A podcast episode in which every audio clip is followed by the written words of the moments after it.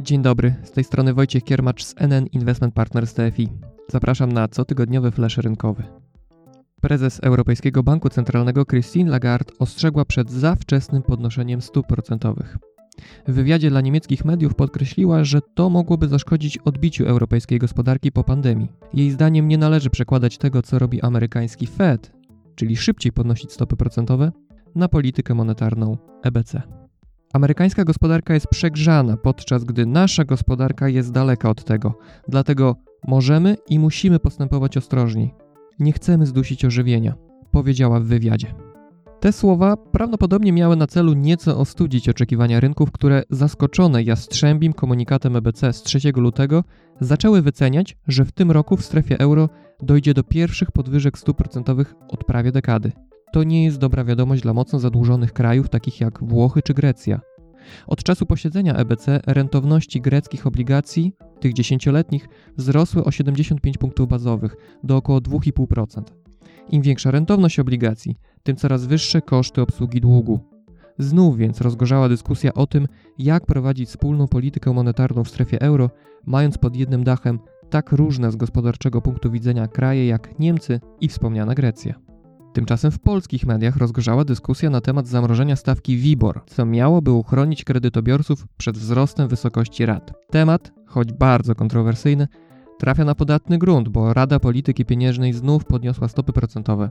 Tym razem tą główną referencyjną o 50 punktów bazowych do poziomu 2,75%.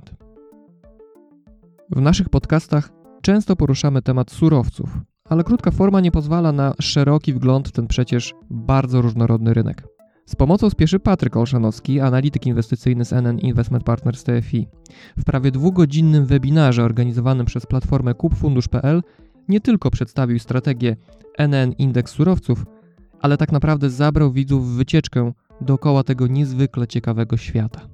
Zaczął od surowców energetycznych, które w funduszu mają największy 30% udział. Na rynku ropy naftowej cały czas od początku pandemii popyt przewyższa podaż ropy, co wpływa na wzrost notowań tego surowca. Czym to jest spowodowane? Po wybuchu pandemii i spadku cen ropy naftowej producenci ograniczyli wydatki kapitałowe, żeby uchronić się przed ryzykiem utraty płynności finansowej. Mniej badań i odwiertów to po prostu mniejsze możliwości produkcyjne na rynku ropy. Ale, jak zaznacza analityk, to nie tylko to.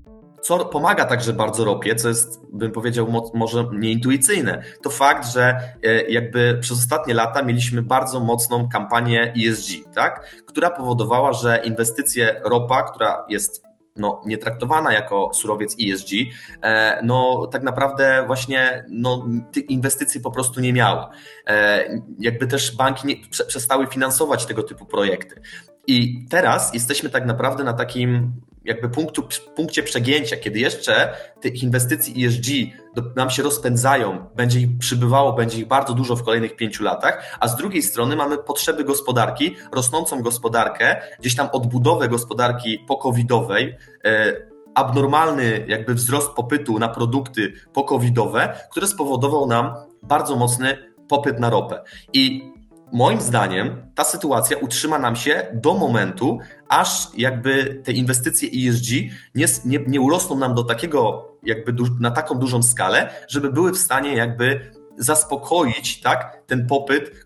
Ciekawy jest również wątek cen zbóż. W NN indeks surowców mają istotny ponad 20% udział. Patryk zwrócił uwagę, w jaki sposób łączą się ceny zbóż z cenami surowców energetycznych, w szczególności gazu ziemnego to, co widzimy, bardzo wysokie relatywnie ceny nawozów do pszenicy i kukurydzy.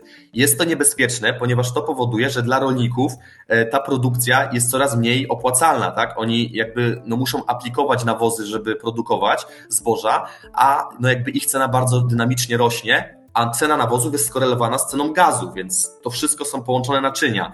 E, wyższa cena gazu powoduje nam wyższy, wyższą cenę nawozów, wyższa cena gazu powoduje nam wyższą cenę ropy, ponieważ wtedy następuje zmiana e, na ropę i można zastąpić sobie ropę gazem. E, tak? Czy gaz ropą, odwrotnie także. Więc wysoka cena gazu determinuje nam zarówno wysoką cenę ropy w dużej części, ale przede wszystkim wysoką, wysokie ceny nawozów, ponieważ producenci nawozów bazują w bardzo dużym stopniu, tak naprawdę 40-50% kosztów to jest gaz.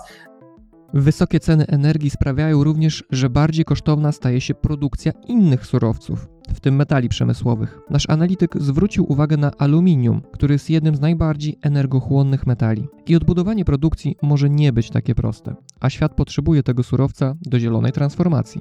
Z ciekawą sytuacją mamy do czynienia w przypadku metali szlachetnych, złota i srebra. Te w funduszu NN Indeks Surowców mają również około 20% udział. Jeśli chodzi o złoto, sytuacja jest skomplikowana. Historycznie patrząc, nie radziło sobie dobrze, gdy rynek oczekiwał szybkich podwyżek stóp procentowych, tak jak ma to miejsce teraz. Przypomnijmy, że po ostatnim odczycie inflacji i mocnych danych z rynku pracy, inwestorzy spekulują, że Fed może podnieść stopy 5 razy w tym roku.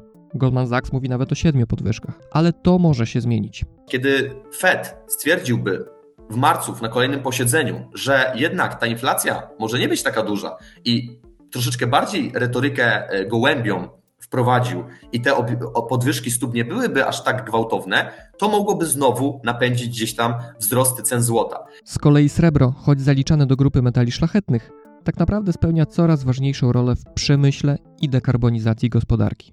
Srebro używamy chociażby do paneli fotowoltaicznych, tak? Srebro jest e, elementem istotnym przy produkcji. Dodatkowo srebro jest bardzo istotne w różnych gałęziach przemysłu, więc ono jest skorelowane tak naprawdę dużo bardziej niż z polityką monetarną. Ono jest dużo bardziej skorelowane z tym, co się dzieje w przemyśle, to jakie jest, e, to jakie, jakie mamy e, jakie mamy PKB, to jak nam rośnie e, gdzieś tam e, PKB w sektorze, w sektorze przemysłowym.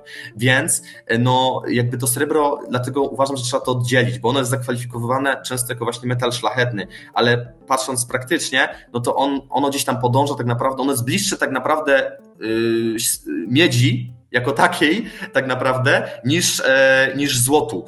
Mniejszą rolę w funduszu pełnią tzw. Tak surowce miękkie, czyli cukier i kawa. W obydwu przypadkach jednym z największych producentów jest Brazylia. Warunki do, w cudzysłowie, produkcji tych surowców są dobre, gdy mamy stabilne i umiarkowanie wysokie temperatury i opady. W 2021 roku nie było ani jednego, ani drugiego. To spowodowało wzrost cen i wsparło notowanie funduszu. Odpowiedź na pytanie, co dalej, jest o tyle trudna, że to właśnie pogoda gra szczególnie ważną rolę. A jak wiadomo, im bardziej wydłużamy prognozy pogody, tym mniejsza szansa, że się sprawdzą. Rynek surowców jest równie różnorodny, co zmienny. To oznacza, że inwestorzy myślący o dywersyfikacji portfela o tę klasę aktywów muszą liczyć się z przejściowymi korektami. Czynnikiem ryzyka są na przykład Chiny. Jeśli problemy Evergrande, tamtejszego giganta z branży nieruchomości, rozlałyby się na cały sektor, wówczas na pewno niekorzystnie wpłynęłoby to na popyt, a więc i ceny metali przemysłowych. Niekorzystnie na surowce mogłoby wpłynąć również problemy na rynku pracy, czy też ogólny spadek popytu na świecie, spowodowany na przykład powrotem do lockdownów. Takiego scenariusza nie można wykluczać, ale tak długo jak inflacja i oczekiwania wobec podwyżek stóp procentowych będą wysokie, tak środowisko dla wzrostu cen większości surowców powinno być dobre. To wszystko w dzisiejszym flaszu rynkowym. Do usłyszenia za tydzień.